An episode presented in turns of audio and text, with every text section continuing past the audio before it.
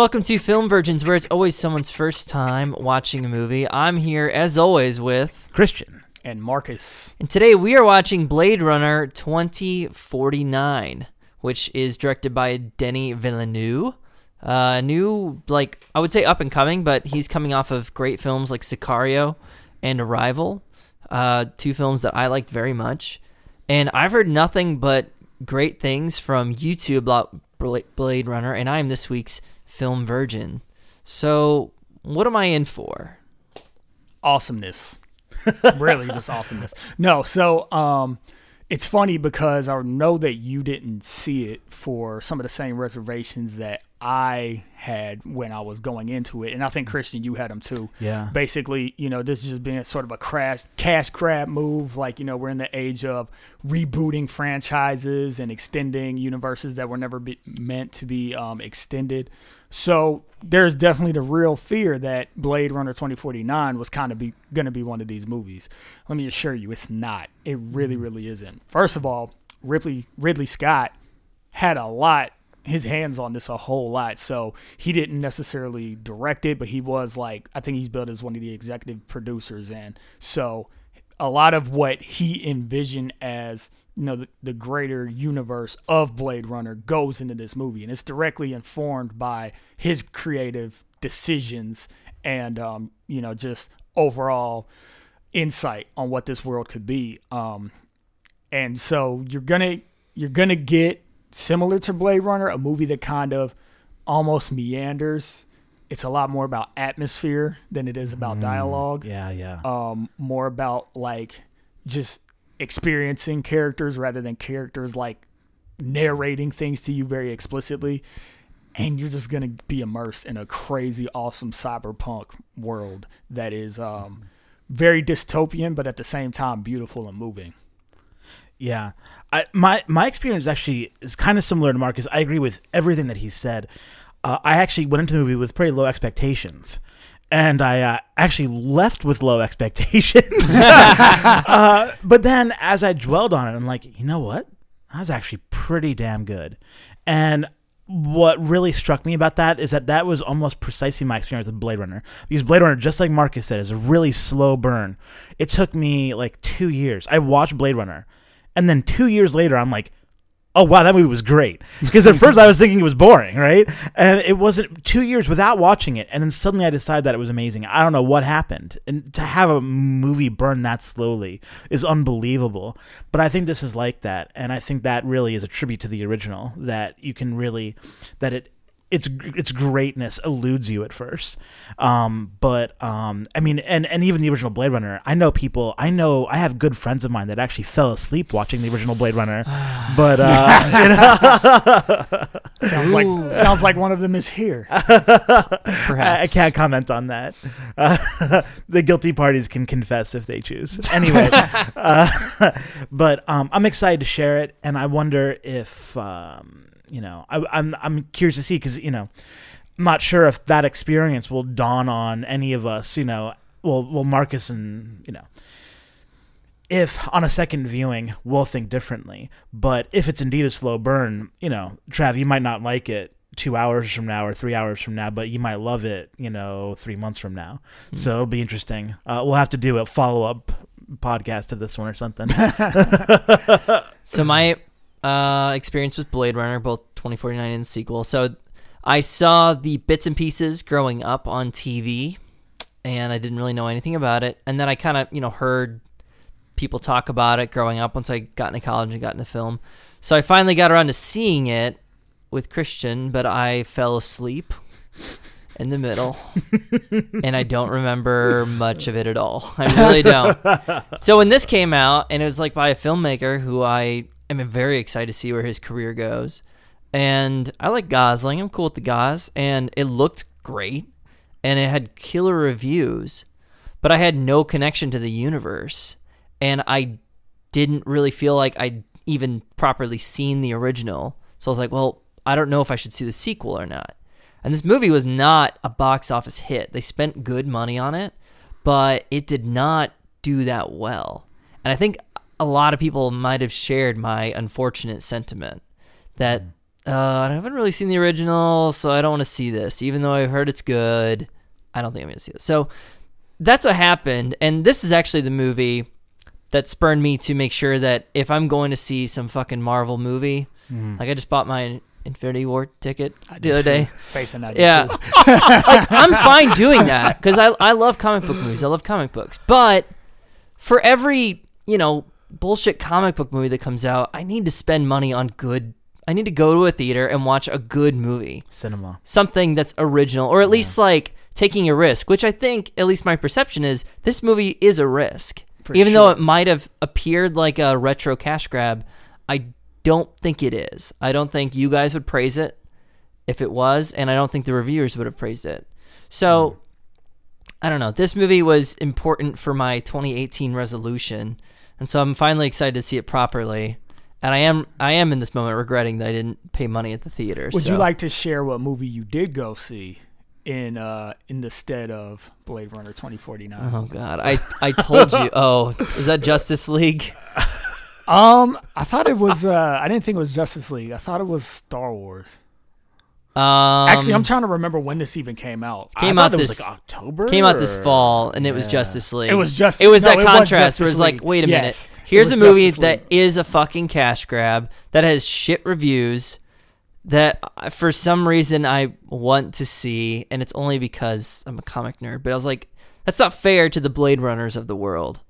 That Justice League is the only people that ones that would get my money. That Marvel are the only people who get my money. That's why we only have comic book movies, and they don't make movies like Blade Runner or the sequels or at least follow ups, right? Yeah. They got to make money or else they won't make them. And so that was just kind of a, a convicting moment for me.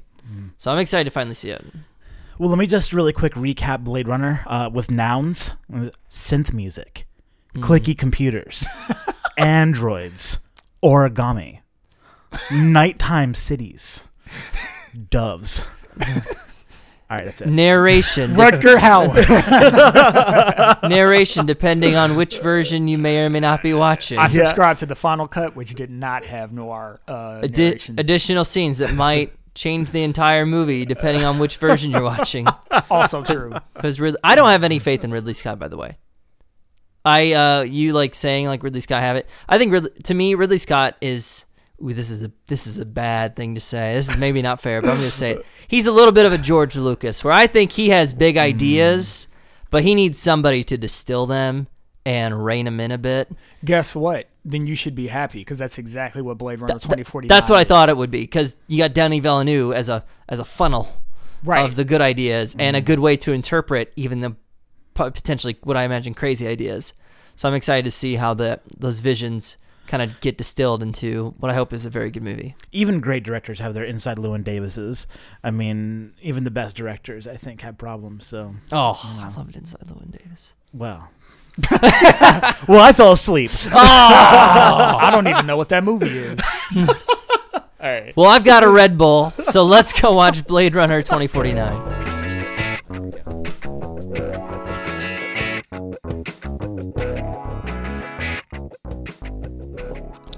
Well, and we are back, and we just finished watching Blade Runner 2049, a two hour and 45 minute film. uh, yes.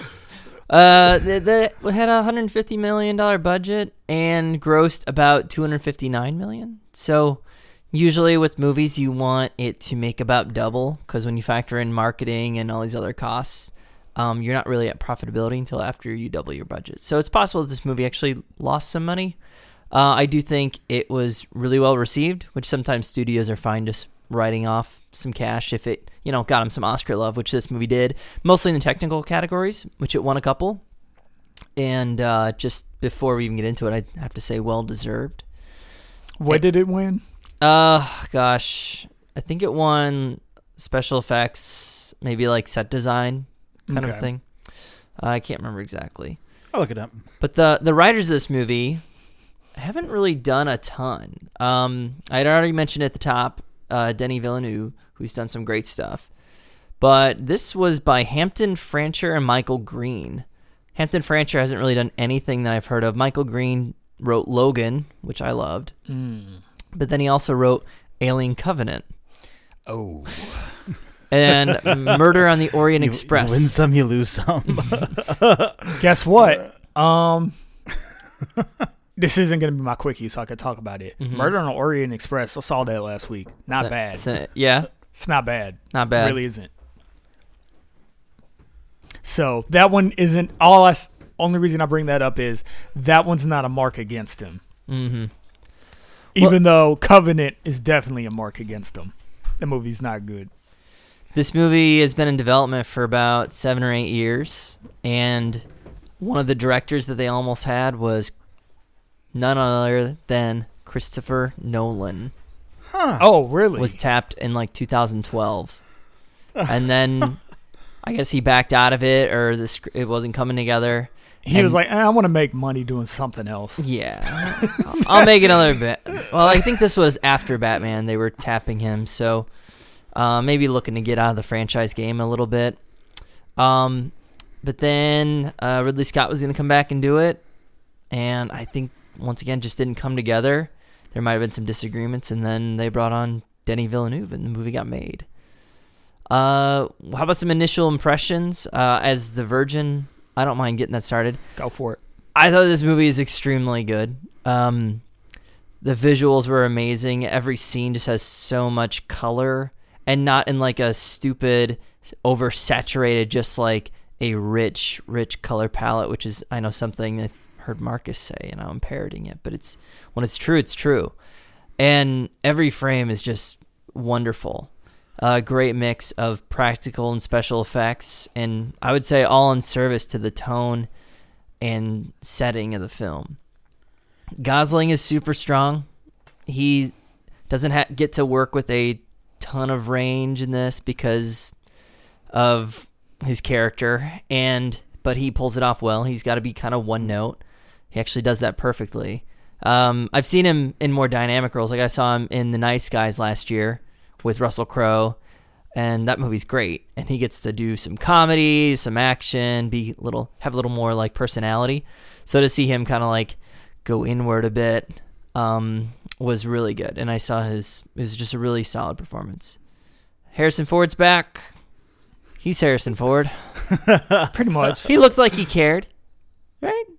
I think Yeah, so. He cared. I You can never tell with him. for the little for the little bit that he did, I was thoroughly convinced that I was like, okay, this is his character, and this seems like a movie that he's jumping back into, like with gusto. I'm not familiar with it, w- enough with his original Blade Runner performance to say like, oh yeah, he feels like Deckard again or not.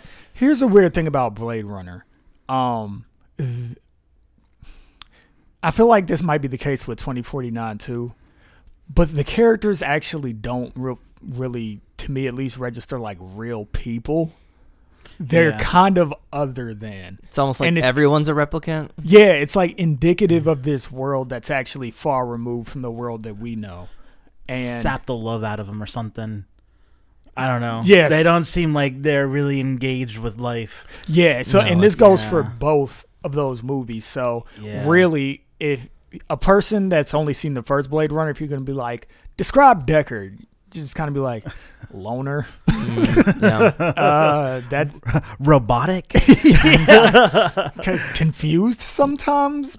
Not really. Everybody seems to be stricken with so much existential angst that they can't really actually emote in ways that typical human beings would. And I think that's all in service to what this world is supposed to be. It's not supposed to be a world that we relate to. It's something it's definitely more like an aquarium where you're on the outside looking in and you're like, they look like people, but they've all been through some stuff that I'm never gonna understand. so Well, speaking of existential angst, Christian, what is the plot of Blade Runner 2049?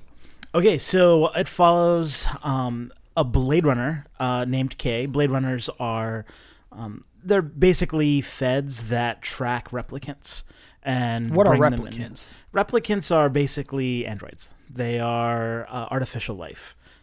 So I don't think they're androids though, because androids are just robots made to look like humans, right? These are actually like bioengineered. So if you cut them open, they'd be all humany on the inside. yeah, that's probably fair. They're they are well skin jobs.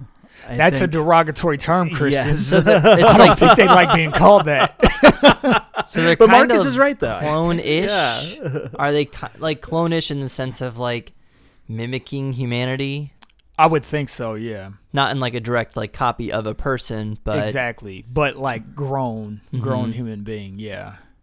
Yeah. So um, it follows uh, Kay, and he uh, early in the movie digs up uh, this box that contains the bones of a child, um, and uh, it is believed that these bones are actually the bones of a replicant.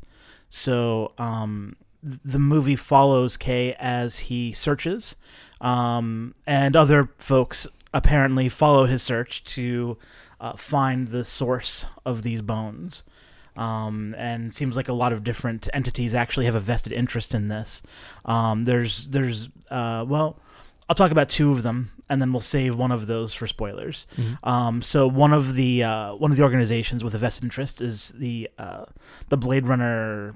I don't know Fed Station LAPD. L- LAPD, yeah, but- of the future. Yeah, and um, additionally, uh, the successor to the Tyrell Corporation. Tyrell Corporation is from Blade Runner, um, but uh, in the future, it was purchased by Niander Wallace, uh, and so it's now the Wallace Corporation. Um, Niander Wallace and his henchwoman uh, have a vested interest in finding out um, how these came to be, so they can manufacture, and I say that with air quotes, um, more um, more efficiently replicants. So, Yeah. One one correction. I'm I'm gonna be that guy. This oh my podcast. god, you mean again? Again. one more. One more correction. Actually not the bones of a child, the bones of a replicant. Uh, the mother. I thought. I thought they gave birth. Yeah. Yeah, so they the- find they find the bones of a replicant. The reason they believe it's a replicant is because they find a serial number in the pelvis, I believe. It might not be the pelvis actually. Somewhere in the bones is a serial number, along with some lacerations from a makeshift C-section. exactly. Yep. That's not a spoiler. That's in the first five minutes. Of the Yeah, movie, it's not so. really a spoiler. Mm, yeah. Okay. Yep. Yep. Yep. So I, I don't know how else to talk about this movie without spoiling the shit out of it. Yeah, so, this movie and I don't is- yeah. and I don't want to. So let's just spoilers from here on out. yes. Yeah. Time code. Yes. There is one. There probably is. but double check it. Now go watch Blade Runner if you haven't seen it, and uh, yeah, give yourself a little time. Sit down, get cozy. It's a watch. Three hours. Three hours. All right. So spoilers. Um. Uh, the gauze, I it like is right off the, The bat gauze. uh replicant. Yeah. So does Yes. that put to bed all the um speculation about Deckard replicant eh, or not, or is that pretty much left ambiguous? I've heard varying things from different people. To me, I still think it's left um, ambiguous. Yeah. I still think we don't know. Do you feel the same way, Chris? Oh yeah, hundred percent. Yeah, there's. Yeah. It's he doesn't seem to be amazingly strong, um, and you know it's not really necessary. So Rachel obviously was the replicant, you know, for this for this birth. So you know it wasn't really important what he was. exactly. Um, it's it's it's not really spoken of here. Um, but yeah, K for sure, aka Joe, Joe. is definitely replicant. Yeah, and I think that's cool that they didn't try to do a carbon copy of the first film. They were just like, "Look, man, for this Yeah. for this film is we're gonna focus on a whole different set of ideas and thoughts. So it's okay if you just know going into it, this dude is a replicant and he's taking out other replicants. I think it's a bold choice to make a replicant your main character, especially because that's what I was talking about with just him having to play it so flat the whole time. And it works, but to make that your protagonist is risky. Yeah, You know, like sure. he- there's no emo, like next to no emotion that he can emote. A couple times at like his lowest moments, um, like you know when the uh, his his woman gets destroyed, the flash card, whatever the yeah, USB memory stick that she was uh, is destroyed. um, yeah, it, like he got to emote there, but very much just like he's in intense pain and he, not even like a gritting of his teeth. yeah. Probably They're the not made to show pain, so he's just got a. It's kind of Terminator e, but w- he did it way better than Schwarzenegger ever could. Yeah, and I think that's because part of, well, it must be his ap- acting chops um, combined with just the fact that uh, Villeneuve, however you say his name, Villeneuve. I feel like he really understood what K is supposed to be. So he was able to direct them to be like, yeah, look, you're flat, but you're somehow still sympathetic. Mm-hmm. Somehow you can still look at this guy and just go, I don't want anything bad to happen to you. Like, I want you to figure it out. Like, I want you to have a, a good life because, yeah, I don't know. You, you feel some weird, distant connection to him. It's hard to place. And I don't even know how you, like, tell an actor to do that. Well, in this story, that's all you need because this is not a character-driven story. I don't. I couldn't speak for the first Blade Runner, um, but this is very much a plot-driven, um, uh, ambient story where it's a, more about the tone, the setting, kind of like you said up top, and the plot and what is experienced is is actually kind of nothing spelled out for you very simply. You do have to draw some connections, and people say lines, and you're supposed to figure it out. And I caught myself asking a couple questions throughout the movie, and I'm fine with that. I felt by the end of the movie I had pieced it all together, and it's very satisfying. It is. It does lend itself to another watch, where the beats of the story maybe can be a little more fleshed out. What did you guys think about the progression of the plot and how the story was told? Um, did you catch more the second time in terms of where the story was going? I actually did not. And this is not something that I would even consider to be plot driven. I mean, it is a slow burn. You could probably this is this is an adaptation of a short story, if that. Um, it, and as you said, not character driven either. I mean, it is ambiance driven. Um, the individual scenes, like you said, the visuals, and that's that's really what drives this. And so, I there was a lot of stuff that I enjoyed probably even more on the second time, but I didn't discover more or if if I did, it was minor, very very minor nuances. But in general, I mean, I think I just appreciated probably on you know a, a larger level some of the the visuals and and the slowness of the burn. yeah, I feel like um since like I was telling you guys, I think it was last week that I got and read the art and soul of Blade Runner 2049, which kind of gives you more of an inside look into what all of the creators were thinking when they were doing the movie. Since I've read that book, there are a lot of things that I understand more about the world, and watching the movie again um, after having read the book did actually help me pick up on some things. Not not anything groundbreaking though. It's not like when um I'm trying to think of a movie that I watched again and there were so many things that I like picked up again like, "Oh, I get it now" because I had seen it the first time. I can't think of anything off the top of my head right now. Um but yeah, it wasn't anything that made the plot stand out more as much as it's just kind of like, oh, okay, I know what those little memory balls are. And I actually know how the memory ball machine works. So I just understood why they were doing certain things when they did them. But as far as like hints for like, oh, I know what's going to happen next here and there, it's like the story is pretty straightforward and only seems cryptic just because of the way it's told. Just since it's spread out over long periods of time, scenes are so long and Well, every- and yeah. the way it's written, characters mostly seem to speak in prose yeah. or not speak at all. Yeah, so this is true. there is a little bit of decryption at times, figuring out what somebody is saying, or you have to look for an underlying meaning in their dialogue. Particularly with Jared Leto's character. Um, Oh yeah, he was just reading. Wallace. Yeah, he was just reading poetry every time he talked, basically. and uh, like, so what'd you guys think of him? I'm just curious. What'd you think of his performance? It's fine.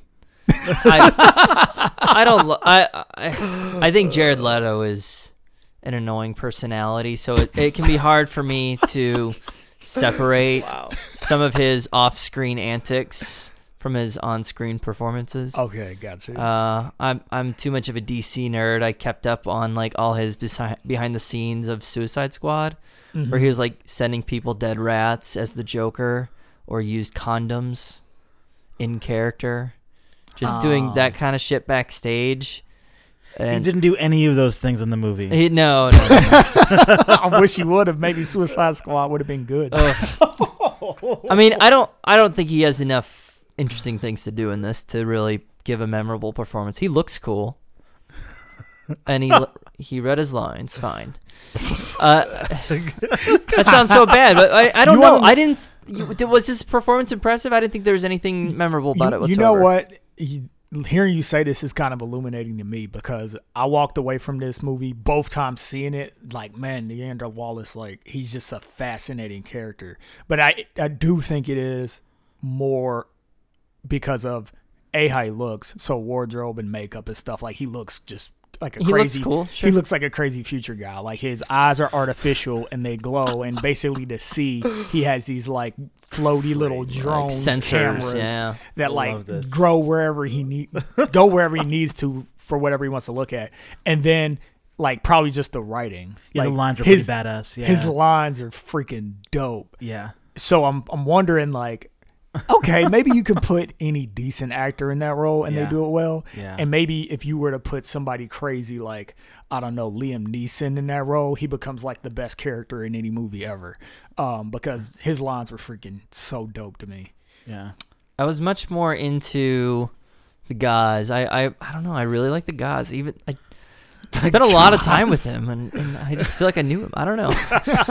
Cared about him for some reason. He reprises his role from La La Land, talked about earlier, you're just gonna keep bringing up la la land until someone laughs. you know, you know who I was more impressed with because I've never seen House of Cards, Yeah. but Robin Wright Yeah. as uh, the chief of police or whatever, whoever's or who, in charge of uh, Kay. Yeah, I she's thought so she, great. she was wonderful She's in this so great. movie. she was good. I mean, I think at least for me, my first experience with Robin Wright was definitely Princess Bride, and you know she's great in Oh, that. yeah. But you don't. I think you don't get a chance to see her range in that film as much as you do in in House of Cards and in Blade Runner. And Blade Runner, you don't even get that much time with her. No, you don't. But but she's awesome. She's awesome. Um, I think there was a lot of good. I I agree with you. Jared Leto was not. He wasn't bad, but I, he didn't really stand out to me. But almost everyone in this movie was solid. Mhm. Um, I mean, even even the first dude from Dave, uh, from Dave Guardians. Bautista. Yeah, I didn't. He was great. Sa- if you just Morton. showed me his face, I wouldn't know who he was. But it's that profile, that like silhouette that he casts. Nobody looks like nobody has the same shape that he does of his head No, man. or his body. Actually, Oh. dude is a behemoth. But Yeah. he was great. That first scene is amazing. yeah. It might be my, fa- my favorite scene in the movie. yeah, I wouldn't Uh, argue that. It's yeah. a good one. And they did. It was funny. They actually weren't gonna cast him because they wanted to get somebody older. And I Uh-huh. can't remember what the final decision was that they went with him, but they aged him. They aged him a lot, of course, um, probably about twenty years. And like, yeah, it looked good, and he he just settled right into the role. I was Mhm. impressed with him. You know, good job, Drax. So for for myself and for those out there who may have seen this movie or want to see this movie but I have no connection to Blade Runner, what do you think are the connections to Blade Runner? Like what other than like the tone, the style, the world, what are there a lot of callbacks that I didn't see? Are there a lot of references throughout the film? I noticed the one where they talked about less milky. I got that mostly because Alien, and technically, I, I don't know if you guys know this. Technically, this is the same world as Alien. Huh, I didn't know that. Yeah, yeah. That was that's like one of those Easter eggy things in the mind of Oh, um, that's crazy. Ridley Yeah. Scott. Ridley Scott. These are you know this is what's going on on Earth. Man, You know, That's dope, dude. I didn't know that. I had Mm-hmm. absolutely no idea. I don't know if the timelines quite work out or anything, but yeah, they're supposed to be similar uh, in the same universe as Alien. That's crazy. So yeah, watching Alien, when we watched Alien, basically like the first Blade Runner or whatever, like yeah, that's what Earth was. Any time they talked about Earth, they were talking about that. Mhm. That's cool. I like that. there were a lot of callbacks. I mean, I think you have the, as you said, you know, the tone, the environment, stuff like that. That's a really important one. But specific things, Tyrell Corporation, they talk about that. Wallace Corporation actually bought them out. Um, you have Rachel actually makes an appearance. Um, so CG Rachel, I should say, um, because it's a little, it's probably my least favorite part of of yeah. So uh, match movie artist Rodeo FX apparently, whatever, uh, was responsible. It was probably better than Rogue One s- CG. I Leia. thought she looked pretty good. Actually, I, dude, watching it again, I thought it was good. I thought it was just an actress cast to look like her. really I- yeah. because I like it was too smooth. She was so smooth. Again, I it was maybe a, that it was was a choice. lot better than Rogue One Leia or Hmm. Rogue One whatever his face is. Uh, Grand Moff Tarkin. Yeah, but still, I would prefer to have not had that at all. But you know, the scene wasn't poignant enough to to warrant it um, in my mind. But it have Rachel, so that's a callback. You also have, um, I mean, obviously Deckard himself. Uh, What's and- origami guy's name? I forget. Yeah, Edward James Olmos. Uh, Gra- Gaff something. Hmm. Uh, let me double check this. Is he a Um, replicant? Gaff, yeah. Is he a replicant? You're not led to believe that he no, is. No. no. I could. I, I know he does the I the origami. I can't remember anything about the first movie. but he is he is making the origami. Um, let's see what else uh, do we. Is that about it? Uh, uh, there was some soundtracky stuff. So this, um, the soundtrack to this was um not done by uh was it Vangelis? I don't know how to pronounce his name. Um, but um, there were one or two songs that were spot on original Blade Runner. So you have that too, and the whole style was very original Blade Runner. But there were a few songs that were just like note for note, at least some of the passages of the original one. Did this feel like a, a follow up, a proper follow up to the original Blade Runner? Yeah, it felt like it was made by a fan who knew how to make movies. that's Hmm. uh, that's that's at least what the sense that I got. That's a good way to put it. I Which is didn't. always what you want. Yeah. It's always what you want. If you have a franchise, especially if you're restarting it up after like 30 years or something absurd like that, what you want is a fan who knows how to make movies every single time. Like J.J. Abrams. No, You're describing exactly what they did with Force Awakens, but maybe it didn't work quite as well.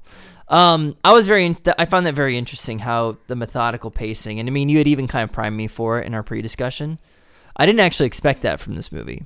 I thought this movie would be a little more brisk, just because I, it's a new, it's a modern movie. I didn't know they'd go full like, no, we're Full doing this. 1980s. yeah, Yeah. Weird long pauses and scenes that are important, but you don't know why until you watch the movie like five times.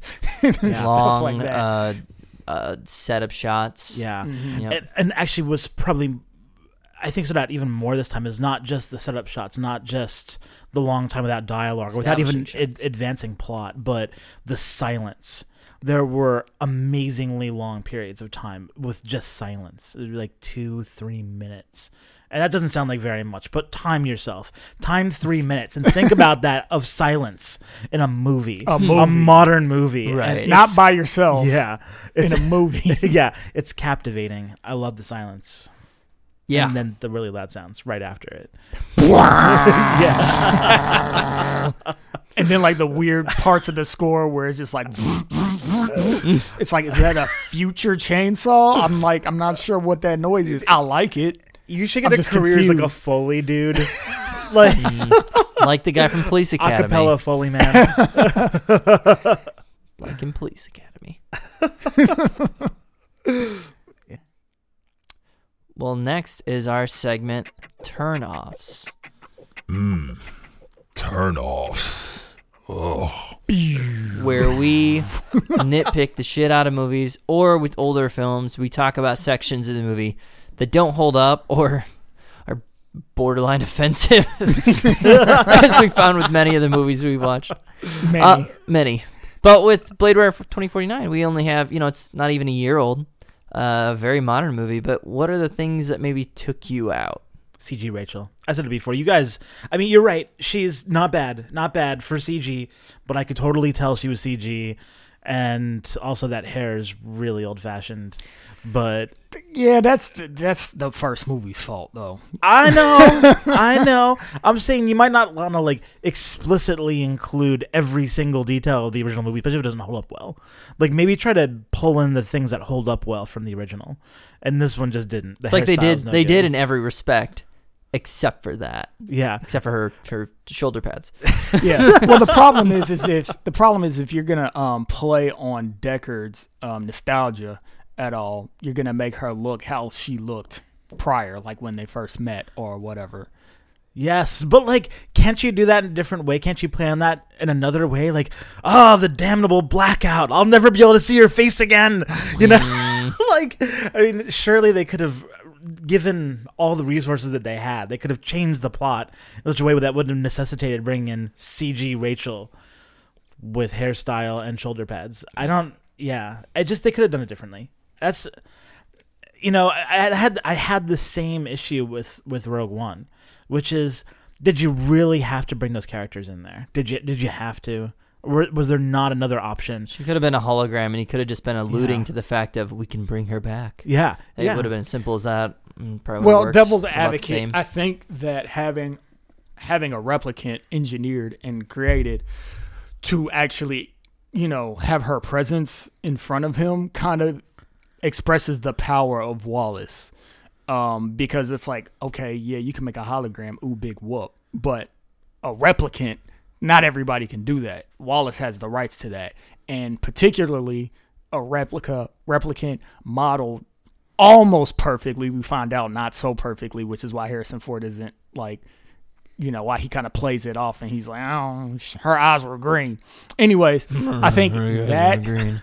I think that displays his power. And then once Harrison walks away, Love, the henchman to uh to um Wallace. Wallace. just puts a bullet through her brain.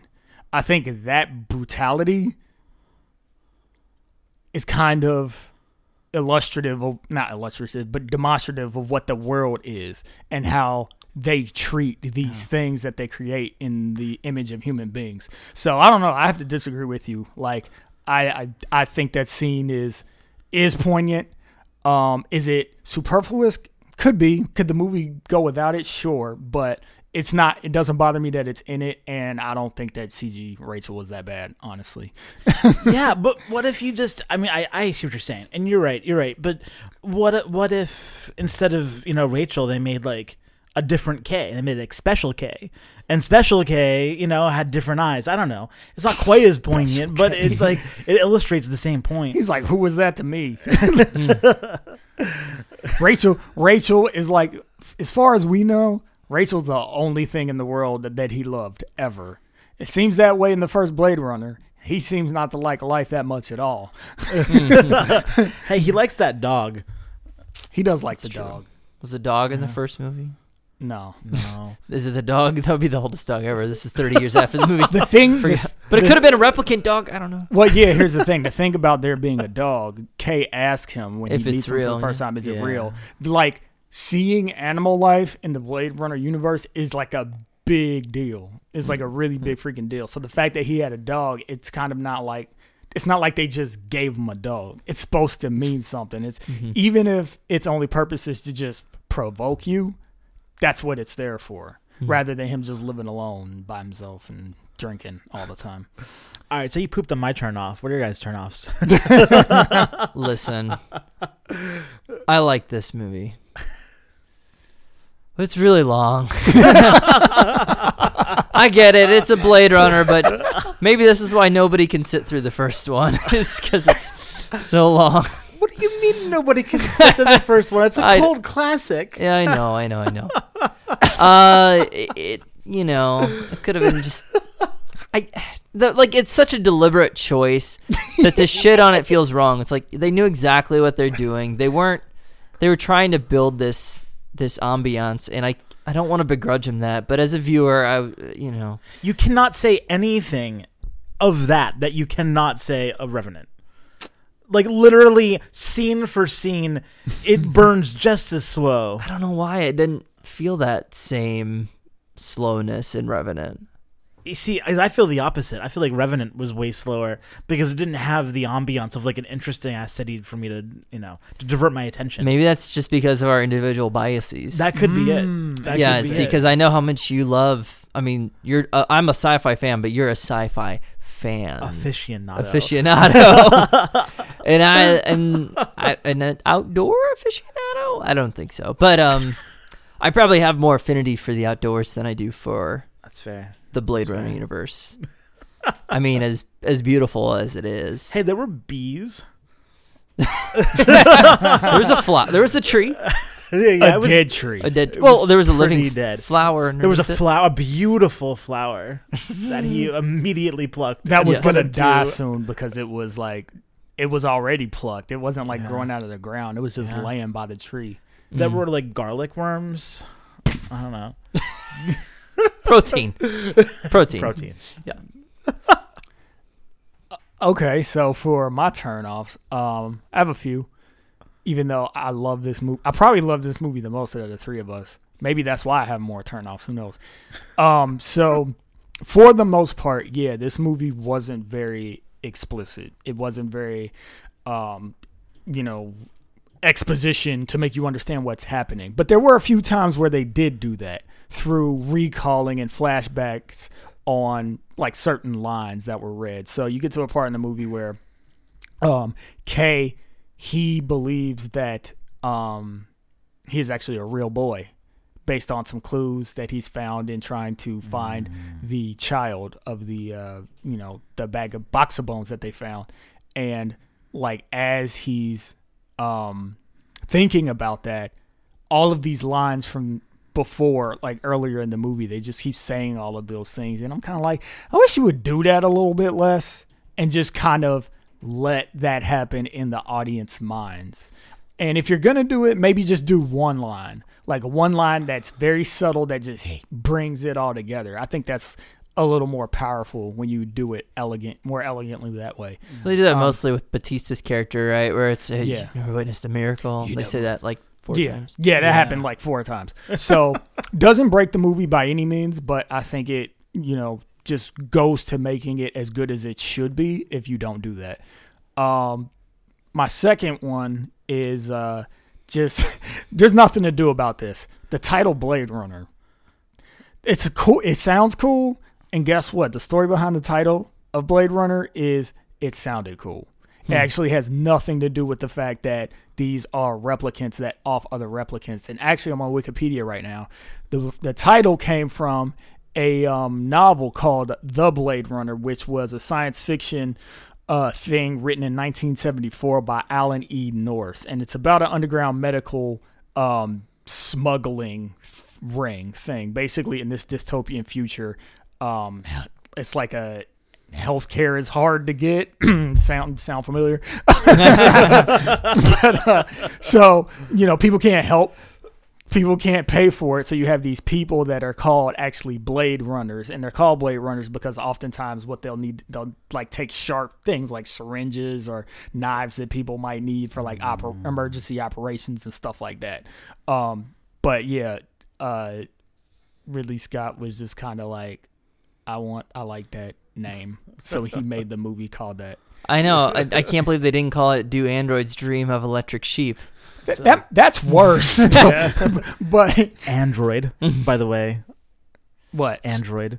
You objected before when I said Android, but it's based. They kind of It- It's based on a novel that was about androids. However, Yeah, loosely based on that novel. Did they? Yeah. Was that sir. retcon then? They were more mechanical in the original, and then not necessarily. This is an entire field, so you can actually look it up. The field is called biorobotics. So just because they are biologically based does not mean they are a robot. And the definition of an android is a robot designed to look like a human. Right. So it's still an android. uh, yeah. That you ever read the book?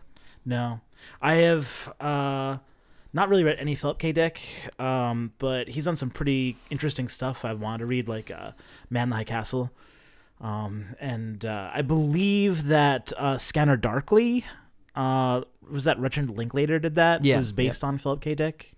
Hmm. So yeah, he's definitely written some pretty awesome sci-fi. Recommend. oh shit. Apparently, um, Minority Report was adapted from some of uh, Philip K. Dick's work. I don't know Oh, wow. exactly what, but on Wikipedia it says, um, yeah, it says so. hey, so one thing that I wanted to talk about before we get into other things is I basically wanted to like salivate a little bit over the technology that is in this movie and how innovative but at the same time like realistic it seemed basically the tech a lot of the technology in this movie um you know there's a lot of flat screens like we have today but they all seem to be four by three instead of 16 by nine and Wait, they're the run. No, they're three by four. Some of them. Robin Wright's is literally tall, yeah yeah yeah yeah yeah so not at all like human pers- like vision. right so i think it's cool basically because it's like the original blade runner uh, took place in a fictional 2019 so in developing the movie when you're going to do the tech you don't think about where it's going to go from how we understand technology but in this completely alternate future like how does it evolve 30 years from then you know? Because in blade runners 2019 you still had computers that made function noises and were really really slow. There were still crt monitors and really bad resolution. So the fact that they've kind of uh, updated the stuff appropriately in this movie, and a lot of the stuff is still analog. There's a lot of analog tech in in this, which makes sense because this world experienced a um by not crap. What word am I looking for? Experienced a ecological catastrophe, and there was a blackout where everything that was that had to do with being digitally stored or whatever was wiped and they lost so much information. So they were basically set back um in their technology. So it's like where they ended up for this movie even though it's 30 years in the future from you know our standpoint it still seems kind of quaint compared to what we have and it makes sense So there's a lot of the clicky computers. There's still a lot of clickies. I don't know for whatever reason, and not I'm not talking keyboards. The computers themselves are just like. But uh, I also want to point out. I think that the blackout, so called, was probably precipitated by the events of the first movie. I think that's the implication. Really? That because that it was because of what happened to Tyrell. That Tyrell was murdered by the replicants, and so they basically just purged all the memories of existing replicants. Ah. That's at least the sense that I got. interesting Uh, I don't know if that's true, but certainly the timeline matches up right because they're like, well, 30 years ago. Yeah. I Yeah, because the blackout I think happens in like 21, 22, yeah, something like that. Because they did a short film about it. Yeah. Um, there's actually three short films about it. I have to watch all of them. One of them's an anime, so I'm super excited to watch that one Nice. as an anime fan. Was it good for you? I would recommend this movie to any. I mean, anyone who liked the first Blade Runner should definitely see it. But uh, anyone who likes sci-fi should watch this movie. And uh, if you're like a big fan of like 2001 or something, uh, you should watch this. If you like the Gauze, it's not the it's not the Notebook. Stop calling them that, man. Oh man, the Gauze. I'm a fan. it always takes takes me a second to realize what you're talking about. Oh, it doesn't take me any time at all. I can think of tell. the Gauze. Goose Gossage? Uh, but no, I, I gosh, watch this movie. You need to sit down. You just get comfortable, settle in, maybe a pot of coffee. Don't fall asleep, like I did with the first one. get yourself a Red Bull, like I did today, to make sure I was on my game. Uh, and I think you'll really enjoy your, yourself. There's a lot of great atmosphere. Uh, there's some really good performances. Everything on screen is absolutely beautiful, and I think the story is very compelling. I will give this. Um, I'm gonna give it seven cherries.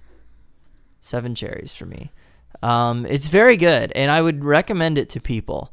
I don't know if this enters into like any of my top lists for me. Maybe for the year, probably for 2017. Uh, it would probably be in the top 10. But uh, in terms of overall filmography, it's not quite reaching the heights of some of the movies that I choose as like eights, nines, or tens. So seven for me. By the way, you've chosen no movie for ten. None of us have. Oh, well, not that we've No. watched, but I have, in my mind, I have Well, some tens. That's the thing is we pre-select for that because most likely if a movie was a 10, we would have insisted that one of us watch it by now. It's Right. really hard to come up with 10s that we haven't seen. That's a good point. So, all right. I'll go next. Um, I'm going to recommend this. Actually, there's going to be three pools here.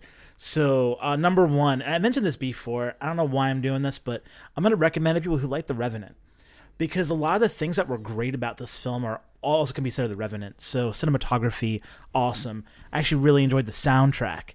Um, and it's kind of that slow burn, but something where like you get invested in characters despite not having a ton of character development. Uh, there's not a lot of character development in Revenant either, but um, it's just I don't know. Despite being a completely different movie in a completely different genre, I think the audience that enjoys one will enjoy the other. Number two, um, so people who nerd out on sci-fi cities like future technology and movies that have the budget or shows that have the budget to really do it upright this is that i mean it's it's amazing just those those shots around the city uh i think are they just they blow me away make me make me weep um number three i'll say people with awesome subwoofers man you want to bring something home to really play it on a sound system just you don't even have to turn the tv on man just crank it up put the music on The sound was incredible. yeah Yeah, the sound design was great. I'm I'm also going to give it seven. I'm I'm having difficulty looking at some of these eights to really pop it up there with the eights. I kind of want to, but I'm I'm going to keep it. I'm going to keep it a seven. If you had to rate the original, I would be an eight. I'd be. I I don't I don't think this is quite as good for its time. Um, I I would give an eight to the original. Um, man, I mean the original is a classic, which I did not fall asleep during. He'll never forgive me. Apparently not, man. hey, no, I've forgiven. I just don't forget. so there you go. There you go. Um, so for my recommendations, first of all, I'm recommending this to anybody that considers themselves a creative type. Um, whether you like to make movies, um, you like to write, but specifically for people who are visually creative. So I'm talking about people like me, your graphic designers, your photographers, your illustrators, your painters, um, set design people, fashion people that are into fashion. Watch this movie because the wardrobes are outstanding. Um, as far as like creating a future that's supposed to feel futury, but still kind of harkens back to that 80s sensibility of what the future was going to be like. Um, you know, people that do music, like all of you see this movie because there there are so many things that went into just creating this that as a production that um you know you could just get inspired. Um the whole time I'm watching the movie I love it so much just because even when you do have 3 minute uh bouts of silence there's just so much ha- visually going on on screen and so much sound that's you know going to come out of your speakers that it just sucks you into this world. It's it's really good for that. So, um, yeah, all my creative types. Um, going back to the writers, um, this is how you learn how to build a world without without saying anything or with saying very little. This movie will teach you how to do that because that's that's part of the reason why I love it so much. Watching it again the second time, it's like, oh yeah, the the plot's kind of cool. you know, it does it does pose the question, what is a human? But it doesn't get into it on any like profound levels that it that you're actually gonna come out of the end of the movie going like, I know what a human is now. no, you just kind of are like, oh, okay, I guess I'm supposed to think about that on my own because the movie doesn't give you any hints. It, it just kind of poses the question. So, um, so yeah, I think writers will have a lot to pull from this too, and um, you know, anybody that likes sci-fi, like this is a must for me. Um, if people think the first Blade Runner is a must, I think this one's a must. I actually like this one better than first Blade Runner, um, but that might be a function more of when I've seen it. Um, but I don't know. First Blade Runner is weird to me. Like, I didn't. I've seen it twice. I didn't really enjoy it that much either time I watched it. It's just one of those movies that has such a such a strong presence of its mood that you just end up thinking about it for the rest of the week when you watch it. This is the same thing. This this this movie does the exact same thing. It did it for me. Um, but anyway, so yeah, those are my recommendations. As far as what I'm gonna get it, give it, I'm gonna give it an eight, just because um, I'm always just a whore for visuals. So if a movie is visually outstanding, it automatically gets a point for me. Like it has to be real shitty to, to, to not get a good score if the visuals are on point. Um, so, but one thing I will say is, um, I thought I was gonna give it a nine because I wanted to see this movie in the theaters twice, and I didn't. I just never got around to it. So I was super excited to watch it again. And watching it again, I'm like, oh, okay, it's good. It's really good, and I'm going to watch it again. But I think the um the uh whatever I got the first time watching it that made me so ecstatic about it, I didn't feel this time. Um, it was a little more subdued, so that's why it's getting an eight instead of a nine for me.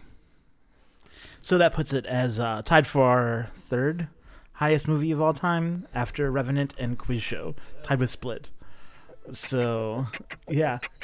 Time for a quickie. All right, quickies, where we get into just media or something fun that we have experienced that we think you as listeners should experience. Uh, Christian, what's your quickie?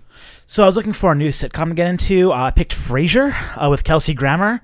Um, Very and- Classic. Yeah. Very new, very new, Very new, relevant, fresh. Fresh. relevant. Yes. Oh yeah, Certified fresh. Uh, you know what? I love that show. There's a lot of it that's actually watching it now in hindsight didn't age very well. I thought that's like not very good, but man, there's a lot of really great quippy dialogue and some pretty mediocre dialogue that's delivered really well by David Hyde Pierce and Kelsey Grammer. So, uh, you know what? A lot of it's worth a watch. I have to think if you compile, say, like 30 best episodes of Frasier, end up with a pretty cool pool of uh, 90s style comedy if you're into that. So, but it really isn't either. It's not. It has the '90s. Uh, I don't know, comedy style, but it's nothing like Friends. Nothing like Seinfeld. It's its own brand, um, and it's it's super bougie, which appeals to me on a very visceral level. Anyway, Frasier, go. What about it didn't um, age well? You know what? There were a lot of things that were, um, I want to say, self indulgent, uh, sitcom tropes. You know, uh, you know, like you know how I'm not saying this is what happens, but you know when you have singing and stuff like that, when they do like, oh, we're gonna do a musical episode, just feel self indulgent, or things where like this is really great, like this is you know, I don't know, whatever. Marx Brothers style comedy or something. I don't know. Like this is the the good stuff. You know, it's like yeah. all right, Naked well, Gun. yeah, I know exactly. And so it's just like, you know, this is the 90s when they're like trying to think we're going to bring back, you know, 60s style of comedy. It's like, well, it was old then. Now it's super old. Stop. But uh I don't know. Eh, I'm not sure I could give clear examples right now, but they do that a lot. Um but you know, I, I just think in general, uh you're almost guaranteed some really solid quotables uh every episode. You'll have to explain Marx comedy to me off mic because I don't know what that is. Marx I'm- Brothers, Airplane. I've just explained it. I never saw that movie. That is a movie, right? That's a movie. Yeah, Airplane's a movie. It's a parody movie. It was a specific brand of comedy in like the 80s, 90s. I, I The I'm Zucker sure I can explain brothers. it well. The Zucker brothers were another brand of similar comedy, I would say. I'm looking up right now because I'm I'm curious myself. Uh, but yeah, it harkens back to the comedy group from 1905 to 1949. I think when you said the Marx brothers, you were really kind of thinking of the Zucker brothers. The Zucker brothers are the ones who did like BASEketball, Spy Hard, Naked Gun, I don't know. I was picturing Airplane. more like I'm pretty sure we're all Zucker brothers. I don't know, people hitting each other over the head or like, and they say vaudeville. I was picturing some vaudeville type things Oh, too. Okay. I I was thinking of the Zucker brothers. I don't know why. Zuckerbergs, you mean? Vaudeville is Ooh, one of those uh, weird things. I know okay. exactly what it means without actually knowing what it means. You know It's what? It means a lot of different things, but it's definitely just a style of comedy that was popular in specific regions, like Catskills did that? comedies. It was just like it was more an homage in some cases, where they would do, you know, and not even that era. What is it? Uh, Elvis? And no, no, no, no, no, no, no. What are the what are the the two? The uh the something in Costello. Abbott. Uh, Abbott. I was thinking Elvis Costello, which is an artist. uh, Abbott and Costello, like like twos on first kind of crap. Like they'll do that, and Okay. it just ages very badly. And they're at their best when they're being quippy and sarcastic, and they're not at their best when they're trying to like bring back the glory days of '60s comedy or vaudeville comedy. I have been listening to an artist named Logic and an older album called The Incredible True Story, which I had initially kind of passed over him. I heard him on an, uh, on an interviewed on another podcast on uh, actually Star Talk I saw him. I need to watch it. with Neil deGrasse Tyson, which I thought was good. And he had a new album that he's kind of promoting, and I didn't actually care for it. But uh, actually, there's like another YouTuber who had just bought a uh, MKBHD, Marques Brownlee, who had just bought like a, a record player and bought the Logic vinyl for the Incredible True Story. It's like, oh, he was just like jumping the record needle to like different parts of the record, just like little samples. And I was like, oh, that just sounds good. I should listen to that. and I had a day at work where I was just like doing a bunch of paperwork, so I just popped that in, and I've like fallen in love with this album. And I'm, if you know me, like I'm just not a huge hip hop fan. I like certain songs, certain hip hop artists, individual songs. There's not too many albums that I like start to finish, unfortunately.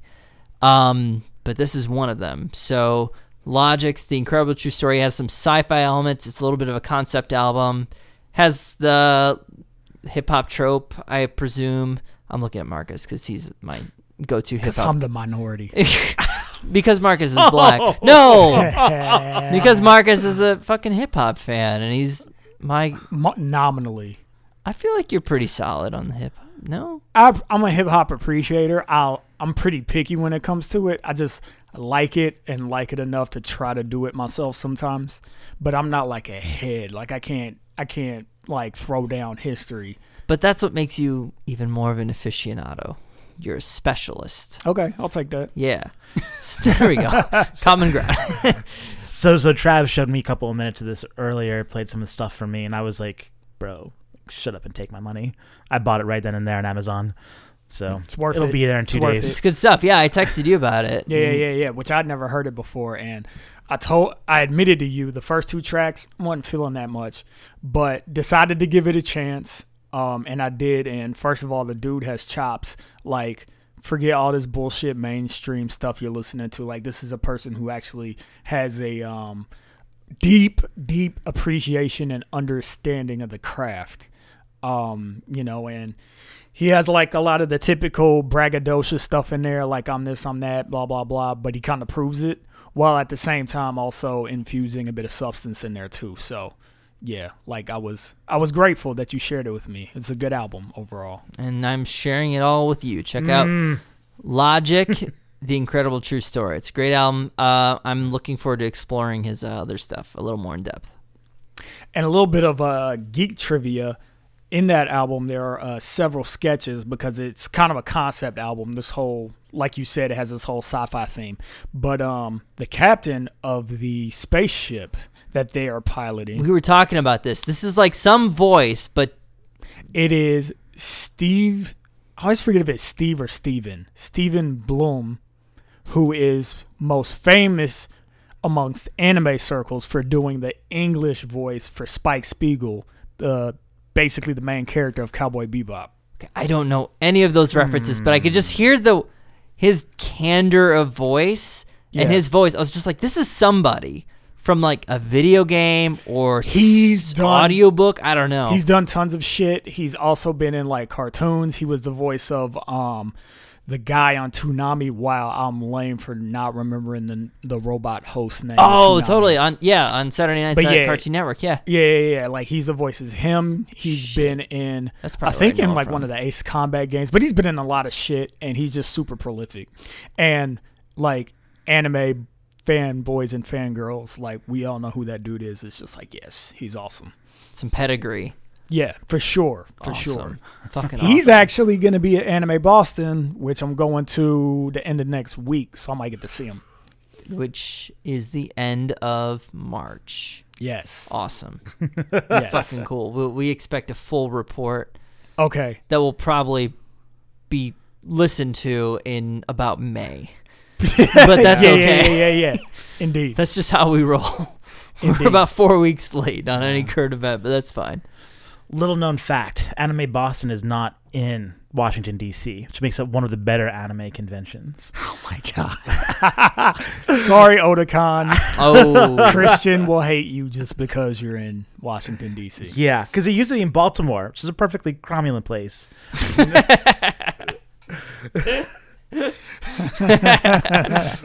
Cromulent. I don't even know what that means. Um, all right, so I guess I'll get into my actual quickie. Um, speaking of anime, keeping with that theme, I just finished a um, little series called Inuyashiki Last Hero. Um, if you're interested in it, you can find it on Amazon Prime. If you don't have Amazon Prime, then I guess get it. Um, but basically, it's really, really cool sci fi anime. It's basically about an old man and a young high school guy. They're both in a park one night and they die. They die because an alien craft of some sort crashes into the park, killing them both. Um, the aliens realize this and they're like, shit, that wasn't supposed to happen. We can't kill people. Give them new bodies. This sounds like the alternate story to like Star Trek Four. Oh, really? they crash land their Klingon ship in like San Francisco Park. That's hilarious. Did they kill a Golden Gate Park. Japanese man and a Japanese boy? They scare the crap out of some some garbage men. Oh, okay. they steal some whales. and steal some whales. Well, no whales were stolen or harmed in the making of this anime, Inuyashiki Last Hero. But anyways, um, so they kill them. The aliens are like crap. Give them new bodies because we can't just be killing other species or whatever. Um, but the new bodies are like these machine fake bodies. They still have all their memories and their quote unquote souls ostensibly attached to them. But um, it's cool because it takes a really interesting turn the uh, with their new bodies, the old man decides he wants to do good because he's just a good old wholesome man, and the uh, teenage kid, kind of a fucking psychopath. So he starts fucking doing really weird shit. I'll leave it at that. Hmm. It's really really cool because it kind of expla- explores this random idea of like, what if you were given all of the power like in an instant, what would you do with it? And it explores the ex- two extremes. well, yeah, like what if you were given all the power, but you were like mature Yeah, in like you knew yourself, you knew right from wrong, and then what if you were given ultimate power, but you, if you were young and volatile and didn't know right from wrong, you didn't quite have that maturity. Is it kind of like that? yeah, exactly. Interesting. And you could basically, from the beginning, you could tell where it's going, but the whole time it's just a fun ride getting there. And I really have to applaud this anime because the reason I'm in an anime is because I'm a visual person and I love really, really high quality animation. And Japan tends not to fuck around when it comes to J- comes to animation. Um, this show's animation isn't even that great. That's how good it is. That I loved it, and it wasn't a show that really leaned on it. It's one of the few anime that like you do need to do do it in animation. I feel like to really capture the story, um, or in like graphic novel form, which there is a manga that it um, stemmed from. You do need to do it just because there's a lot of supernatural elements in it, but a lot of it doesn't depend on that. Like a lot of it you could like in theory do with just live action actors or whatever. That's the vast majority of the show. And then every once in a while, you know, things get crazy and you know, they're saving people and or killing people with their newfound power. But um it's uh it's provoking, it's kind of fucked up. It starts off pretty rough. Um, but if you stay with it, like it's just it's a good ride. It's really short too, only eleven episodes. So if you're interested, Inuyashiki, Last Hero. Nice. I think I'm in for that. I can't wait for Netflix to do its live action adaptation. We won't talk about those. You ever heard of Death Note? Man. They Yeah. like took a bat to that property. Oh, fuck yeah, they did. yeah, I still need to. I need to watch it just because I feel like I need to see it. I watched 10 minutes of it, and it's like the one anime I've seen. Yeah, Um, because I'm not a big anime guy, but I, I really enjoyed Death Note on your recommendation. yeah. That movie's fucking terrible. just eight minutes in, I was just like, this is garbage. I have a friend who's way too forgiving of everything, and he was telling me that I needed to watch it because he appreciated the fact that they at least took a different route, which I'm kind of like good because I don't need to see an anime ever become live action because the reason that I watch most anime is for the reasons that it's because anime offers me something very specific that live action doesn't. In most cases, there's a few gems out there that I do want to see get made into live action, but those are those weird oddball animes that people have shown me like that's just good. Like this is just objectively good. So it's like, oh, okay, they brought that over America, blah blah blah. Death Note's one of those things. It needs to be an anime or it needs to be a graphic novel because it's ridiculous and absurd. I don't need a live action. I also don't need a live action Full Metal Alchemist. I'm not watching that shit. I haven't heard. Uh, is it bad? I'm not Like, watching it. the I don't know. I haven't. he- And I Have you seen the actually, reviews or anything? I actually haven't heard anything because I have no interest in doing any research on it. Because Full Metal Alchemist is an anime that needs to be an effing anime Yeah. and or a graphic novel. Like it doesn't need to be brought into live action, especially since anime they like to draw a lot of their people like white people anyway. So you're seeing all these Japanese actors like dressing up and looking like the people in the anime, but it's like you fucked yourselves because you keep drawing your characters to look like white people and giving them names like Elric and Alphonse. it's like, sorry, Toshinori, like I don't believe that you're this character that is supposed to be roughly based on somebody from Germany in like you know the 40s, Mm. earlier in the 20th century. Sure. It's like it, it's not passing. I really don't. I I, th- I feel like the the comic book to cartoon or anime adaptation is so much more doable than the comic book to live action. There's just there's actually much more misses than hits. Yeah. I think in that translation, or even like comic book to TV show. Um, Yeah. I I think there's much more opportunity to make really good animations of these stories, but that's just not where the money is in America. Now in, in Japan it's different. Like economics are completely different. I think that's why you're getting these really faithful, high quality adaptations of great manga. Whereas in co- American comics, you get shitty, either shitty animations that are like bad portrayals of the comics or really bad, unfaithful movie adaptations. Yeah. It's, well, it's tough. Well, I think the thing, the difference is, and we're kind of like going on a tangent, but Yeah, whatever. fine. It's it's fun to talk about. We're both like we're nerds for this shit, so that's why. Sorry, Christian. Enjoy listening. But um, but um, I think what you see is the the priorities of both cultures because, like you were saying, like anime when they adapt a manga, anime is just something that for whatever reason the culture appreciates it so much that they spend that time to like make really really really good like traditionally animated productions of these manga. Like they put their elbows into it. It's it's great. Um but like their live action movies they're just not on par with hollywood. So they come off cheap. They just do. Likewise in the states we put everything into live action movies. So that's why you get stuff like you know i think it's overrated but i will still give it its due. Black panther it's good.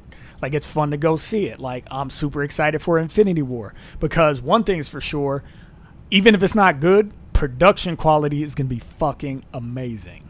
Like you're gonna have like top notch effects, like the the edits, hopefully, and I'm assuming are gonna be really really good, especially if Joss Whedon has anything to do with it. The writing is gonna be quippy and clever. It does he have anything to do Wait, with it? uh, you talk Infinity War? yeah. No, he's out, man. Fuck. Never no, mind. No, no, no, no, no. War- Better, better, better, better. What? The Russo brothers are doing Infinity War. What'd Russo they- brothers who did Winter Soldier and Captain America: Civil War. Oh, yes. which are two of the best Marvel films in my opinion. Oh, yes, they're are doing make- Infinity War. They're gonna make Black Panther actually fight cool again, which he did not in his own movie, which was a shame. No, the action in Civil War with uh, Black Panther was way better than the Yes. live action film. Yes. Unfortunately, So uh, that even that gets me more excited. But anyway, belaboring my point, I think you see that kind of gap in between the way that Japan handles their adaptations in their media and how we handle our adaptations. Because like you know our straight to DVD releases of comic book stuff, it's like you have a few of them that are gems. You know, you have like Red Hood, mostly like, from DC, just for the record. Yeah, mostly Marvel is not known for putting any good live action out there. Sans like maybe the X, some of the X Men episodes from the '90s. yeah, yeah, yeah. But in terms of like, like uh, creation to fans or like straight to DVD, like made for people who appreciate the comic book arc, there's not really a whole lot of greatness out there. They're usually hamstrung by poor edits, poor writing, poor um, choices in adapting the comic for the most part. They're not usually direct adaptations. they have a lot of things added on to them, like as Yeah. is, is the case with the uh, Killing Joke that came out a couple years ago. There's this whole other B story that really like kind of kills the movie. Um, just so you know, Batman bangs Batgirl, who is basically Hmm. like at least in the cartoon in the animated series because they brought back Kevin Conroy and Mark Mark Hamill. It definitely feels like that universe. She's like 17 when they meet. That's not okay. It's pretty weird and not really, you know. I get like some sexual tension, like I'd be cool with that, but no, they literally like do like the they start kissing and then they fade to them like undressed. It's pretty weird. That's And then the killing joke happens. Then she gets shot. like it's it's fucked up. It's really a bad idea. Really a bad idea. There is some allusions to them like hooking up later on bec- in Batman Beyond, but it's you know off screen and it's implied. yeah. It it Well, works a little Batman. Beyond's different too because then you have years. Yeah. You have years and years and years. So what? They have the potential to possibly be like, you know, maybe he was 40 and she was like 28 or whatever that age difference is. Sure. And it's like that's a little less egregious. She might be like 19 at the l- latest in this. Anyways, the point is Right. they fuck up these adaptations. In Japan, they have a better track record in these adaptations and from the manga to anime. Yeah. Okay. well, that was Blade Runner. All right. Thank you so much for listening. Uh, check us out on Instagram. Check us out on Twitter. We are at Film Virgins Cast. Please subscribe. Uh, check out our weekly episodes. We usually drop them on Sundays. And thank you. I have been Travis. I'm Christian. And I've been Marcus. Come back next time for more sexy movie talk.